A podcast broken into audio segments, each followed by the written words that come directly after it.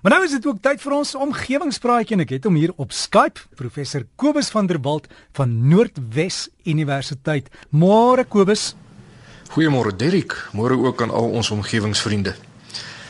Vanoggend gaan ek drie heel uiteenlopende briewe behandel. Die eerste een kom van meneer Archie Luit wat in 'n sekuriteitsaftreeoord in Montana Park woon. Hy sê die oord word baie goed bestuur, maar onlangs het hulle 5 insidente opgespoor van los elektriese drade en in een eenheid het dit byna 'n brand laat ontstaan. En gelukkig hierdie aardlekkasie afgeskop voordat die eenheid nou begin brand het. Maar al die inwoners is toe aangeraai om hulle eenhede se elektriese installasies deur 'n elektriese kontrakteur te laat nagaan.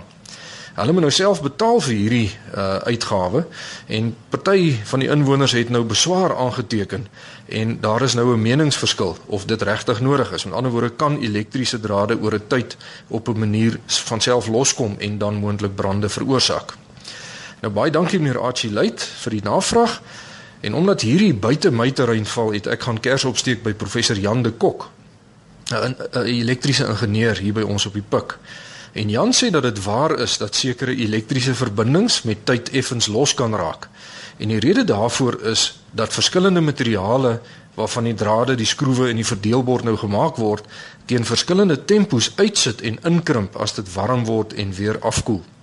Nou drade wat 'n elektriese stroom dra, se temperatuur kan styg na gelang van die grootte van die stroom en oor jare kan dit dan veroorsaak dat die skroewe waarmee 'n draad vasgedraai word effens losraak. En wat dan kan gebeur is dat daar vonke kan ontstaan wat dan in sommige gevalle wel tot 'n brand kan lei. Professor De Kok sê dat in die elektriese industrie hulle infrarooi kameras gebruik om warm koneksies meer raak te sien en so dan voorkomende instandhoudingswerk te doen. En dikwels kort 'n koneksie net dat iemand hom vasdraai of hom net skoonmaak en weer oordentlik vasdraai. Nou in gewone woonhuise het ons natuurlik nou nie sulke waarskuwingsmeganismes wat los drade opspoor nie. So dit is 'n goeie idee om maar so elke paar jaar 'n elektriesien te kry wat 'n huis se hele kragnetwerk net weer kom inspekteer en sorg dat al die skroewe nog lekker styf vas is. Baie dankie aan professor Jan de Kok vir daardie raad. Dan omgewingsvriende, 'n volgende brief wat gaan oor waterbesparing en 'n groentetuintjie. Dit is 'n briefie wat ek ontvang het van Tannie Chrissy Ferreira van die Groen Wilgers aftreeoord hier in Potchefstroom. Nou sy is al 'n geseënde 88 jaar oud en sy skryf dat waterbesparing vir haar baie naby aan die hart lê omdat sy op 'n plaas in die droë verre Wes-Transvaal groot geword het en sy weet hoe kosbaar elke druppel water is veral vir ons boere wat tans onder 'n knellende droogte gebuk gaan. Sy sê sy is nou al vol ouderdomskete, maar sy het vir haar 'n groot skottel gekoop en die skottel in die stort gestaan uh, neergesit en sy staan nou elke oggend binne in die skottel as sy stort sodat die water dan opgevang word. En hierdie water dra sy dan met 'n klein emmertjie na haar klein groentetuintjie voor haar woonstel en uit die tuintjie geniet sy dan heerlike vars tomaties, spinasie, slaai, kruie en nog 'n hele klomp ander produkte en partykeer het sy soveel van die produkte dat sy selfs vir haar vriende kan uitdeel. Nou vra sy of ons dorpsbewoners regtig alles in ons vermoë doen om water te bespaar. Weet ons stedelinge regtig hoe kosbaar elke druppel is en hoeveel uithou en moethou dit van boere verg in droogte tye soos hierdie? Baie dankie tannie Chrissy Ferreira van Groen Wilgers in Potchefstroom vir tannie se brief en veral vir die mooi voorbeeld wat tannie vir ons almal stel. Ek dink regtig ons dorpenaars eh, dit gaan partykeer bietjie by ons verby dat daar regtig mense is wat nie meer water het nie en dat ons dit almal maar moet spaar. En dan direk die laaste brief vir oggend gaan oor die maan en dit kom van mevrou Lara van der Linde wat skryf dat haar pa, meneer Johannes Taljaar van Botswana, graag wil weet aan watter kant van die aarde die maan opkom en waar hy ondergaan. Nou dit klink na 'n eenvoudige vraag, maar dit is nie en daar is skynbaar hewige argumente aan die gang daar in Botswana oor hierdie onderwerp. Nou weer eens is dit nou nie iets wat ek alles van haar weet nie en ek het bietjie hulp gaan vra by professor Johan de Klerk. Hy is 'n afgetrede wiskundige van die PUK, maar ook iemand wat baie baie weet van hierdie soort dinge af. En Johan sê dat die maan rofweg die voorbeeld van die son volg. Met ander woorde, hy kom op in die ooste en hy gaan onder in die weste.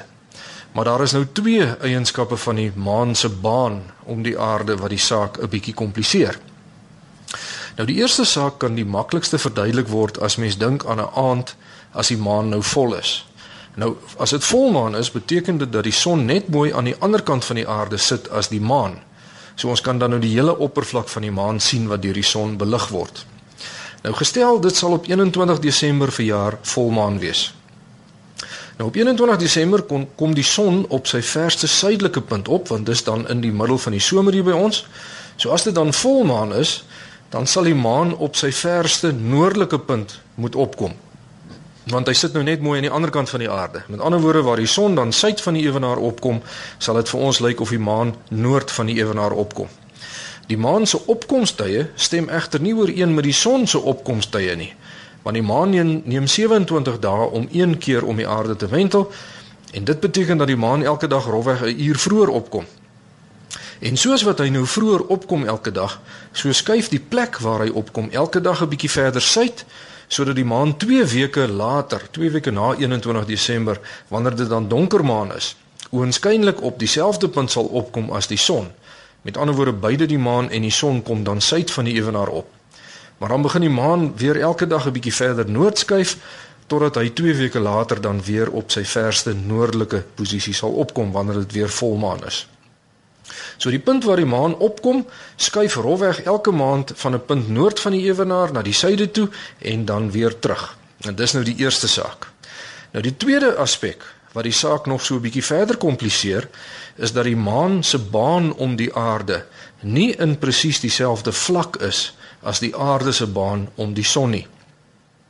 As mens die aarde se baan om die son op 'n stuk papier teken en jy wil nou die maan se baan om die aarde ook inteken, dan sal jy 'n ander stuk papier moet gebruik wat jy met omtrent 5 grade kantel. Nou die vlak van die maan se baan skuif in 'n siklus met 'n periode van nagenoeg 18 jaar. En wat dit beteken is dat mens sê nou maar weer op 21 Desember, as jy op 21 Desember op die steenbokskeerkring sou staan, dan sal die son in die middel van die dag presies reg bokant jou wees sodat jy geen skaduwee sal hê nie.